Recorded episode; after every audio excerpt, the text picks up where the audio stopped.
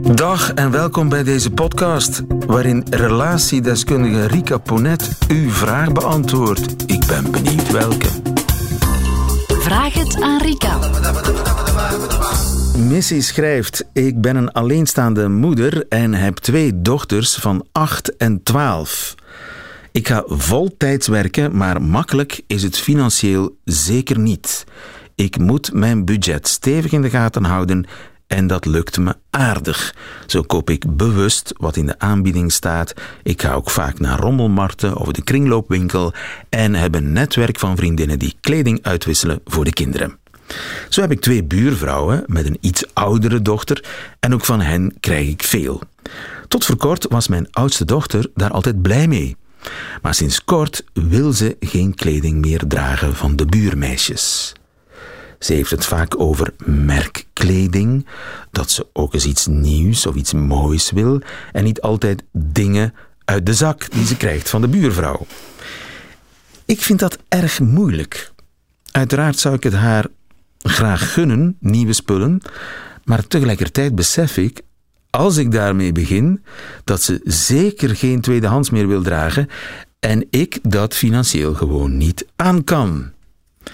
Ik voel me schuldig wil dat ze zich goed voelt en besef ook dat zij niet koos voor een mama met een beperkt budget. Hoe pak ik dit het beste aan? Missie. Hmm. Schrijnend verhaal, hè? Treurig verhaal. Ja, maar veel voorkomend hoor, denk ik. Lief. Ja, en de druk op ouders, eh, of je nu alleenstaande moeder bent, waar het dan natuurlijk nog moeilijker ligt, maar ook en dan hebben we het over een trui van 300 euro. Ja, zo'n zaken. Hè. Dat is, um, en die druk is enorm. Hè. Nu, ik begrijp ook de dochter. En ik denk dat dat, nu klinken we heel erg boemer opnieuw, um, in onze tijd allemaal nog wel wat makkelijker was.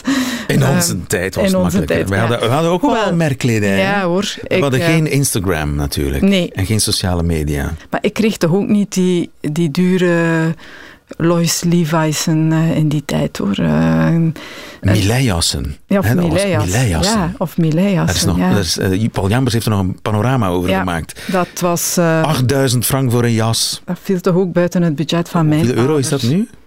Uh, Honderd. Honderden. Ja, nee, nee, nee, nee. Officieel 200 als je 40 ja, frank, maar ja, ja, bedoel, ja. wat is 40 Ongeveer frank? 200 euro. Ja. Het zal meer zijn, maak er maar 400 van. Wat nog een dure jas is, ja, ja, uiteraard. Ja. Maar dat, dat kregen wij niet. En, uh... en we waren toen minstens zo sterk, maar vandaag misschien nog meer dan ooit, toch ook wel bezig met erbij horen. Hè? Want ik denk dat ik vandaag veel beter snap dan wat mijn ouders uh, daaronder uh, dachten te verstaan.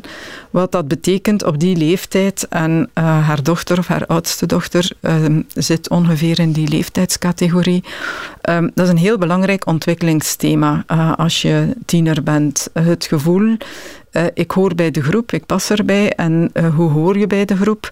Door um, ja, je ook aan te passen aan de regels die in die groep gelden. En een van de regels is uiteraard, um, ik hoor erbij omdat ik gekleed ga, eruit zie zoals de rest van de groep. Als volwassenen vinden wij dat een beetje een gebrek aan identiteit. Maar dat is net wat op die leeftijd superbelangrijk is. Dus jij zou daaraan toegeven? Mocht je de middelen ik, hebben, koop ik, maar die. Um, ik zou daar niet vo volledig aan toegeven, maar ik begrijp wel zeer goed waar het bij die dochter over gaat. Ja. Hè. Um, um, ik begrijp je, maar ik geef niet toe. Zoiets. Uh, of ik zoek een tussenweg. Hè. Dat vind ik, uh, want wat ik ook wel heel sterk voel bij haar, dat schuldgevoel. Dat gaat ook, een, ook voor een deel over schaamte, denk ik. Hè. Ik ben een mama met een beperkt budget. Ik doe keihard mijn best.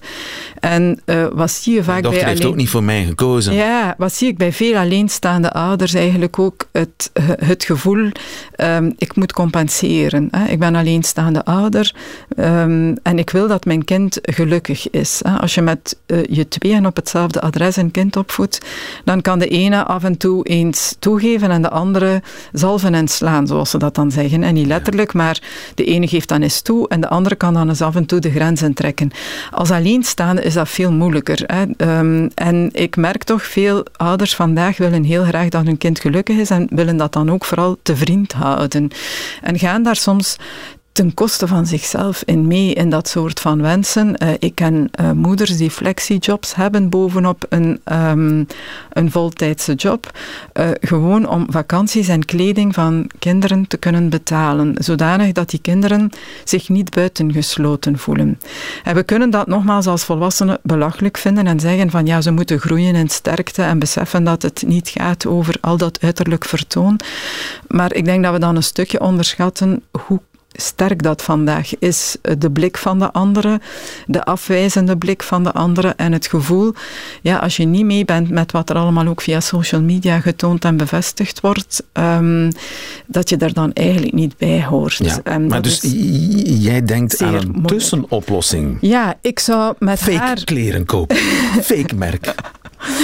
Oh, ja, wie weet. Zelf er een merk op naaien. Op naaien, ja, dat deden wij vroeger dan. Er een etiket uitknippen en dat dan op je broek naaien. Maar dat ja. is niet wat jij bedoelt. Nee, nee. Um, Graag ja, een tussenoplossing, een maar tussenoplossing. niet simpel. Ja, ik denk, ik zou toch eens met haar sowieso het bespreken in de zin van, kijk, ik kijk in mijn budget wat er kan. Hè, en ik, uh, ik zeg jou bijvoorbeeld, op jaarbasis is dit het budget dat ik kan uittrekken om voor jou iets nieuws te kopen. Ik begrijp dat je vanaf een bepaalde leeftijd graag af en toe eens iets nieuws hebt en niet alleen kleding uit de zak.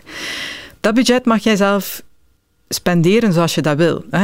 Spendeer jij je hele budget aan één trui voor dat jaar, dan zal je de rest moeten aanvullen met wat we krijgen uit de zak. Maar ik laat die keuze binnen dat budget aan jou. En dat lijkt mij ja, je brengt je kind dan het gevoel van voor verantwoordelijkheid mee in de zin van, kijk, dit is wat ik heb als budget en ik vind het ook belangrijk dat je dat beseft. Hè. Ik ga werken, ik moet dit allemaal betalen. Te weinig ouders praten daar ook over, vind ik. Dat is een vorm van opvoeding rond geld. Wat is mijn budget? Wat betaal ik daarvan? Wat kan ik jou daarin geven als zakgeld of als kledinggeld? En ik laat jou dan een stukje de ruimte om daarin ja. dan bepaalde keuzes te maken. En zo vermijd je wat uh, Missy schrijft, dat als ik één keer toegeef, ja. zal het nooit meer genoeg zijn. Voilà, daar gaat het over. Dan, ja, dan weet de dochter ook, oké, okay, ik mag dat, ik mag mij zo eens een duur stuk kopen. En de consequentie is, ik kies dat dan ook zeer zorgvuldig. Ik, ik, kies dan echt het stuk dat ik graag wil. En dan zie je, als dat budget beperkt is, dat ze daar heel bewust mee omgaan. En ze gaan dat dan niet zomaar uitgeven aan het eerste, het beste prul, maar wetende, dit is mijn budget en ik wil eigenlijk heel graag iets moois. En dan kiest men ook bewust en de rest vullen we aan. Er is ook online wel wat uit tweedehands te shoppen. Uh, een beetje zoeken levert soms ook wel hele mooie vondsten op. Is ook iets wat ik ondertussen toch al zelf ervaren heb. Maar het is vooral ook uit dat schuldgevoel durven gaan als ouder. Hè. Bijna als volwassenen onder elkaar met je kinderen praten. Ja, absoluut. Zeker rond dit thema durven aangeven. Kijk, dit is wat mijn inkomen is. Dat is nu eenmaal zo en ik ga hard werken. Ik vind dat ik daar respect voor verdien. Ik werk voor jullie, ik werk voor ons als gezin. En binnen dat budget heb ik die uh, mogelijkheid. En dan kan zij ook aan haar opvoedingsprincipes trouw blijven, want daar gaat het over. Op het moment dat je in schaamte gaat zitten, heb je de neiging om te pleasen, tegemoet te komen. Te liegen eigenlijk. Te liegen een stukje, want je hebt het budget ja. niet. Je, je, je gaat dan eigenlijk ten koste van jezelf dingen gaan kopen uh, voor je kinderen. Een soort, een soort façade ja, ophouden. Absoluut. En dat geeft een heel slecht, weinig krachtig gevoel. Dus ik denk, maak het bespreekbaar en start ook met zelfrespect. Je bent een alleenstaande moeder die twee kinderen uh, opvoedt. Je gaat daar voltijds voor werken. Dat vind ik eigenlijk al een plein waard, als ik het zo mag zeggen. Zeker. Ja. Missy, dankjewel voor uh, je vraag en ik hoop dat we jou uh, hebben geïnspireerd. Heeft u zelf een vraag voor Rika Ponet? Stuur ze dan naar nieuwefeiten.radio1.be. En wie weet hoort u het antwoord in een volgende podcast. Namen worden sowieso veranderd.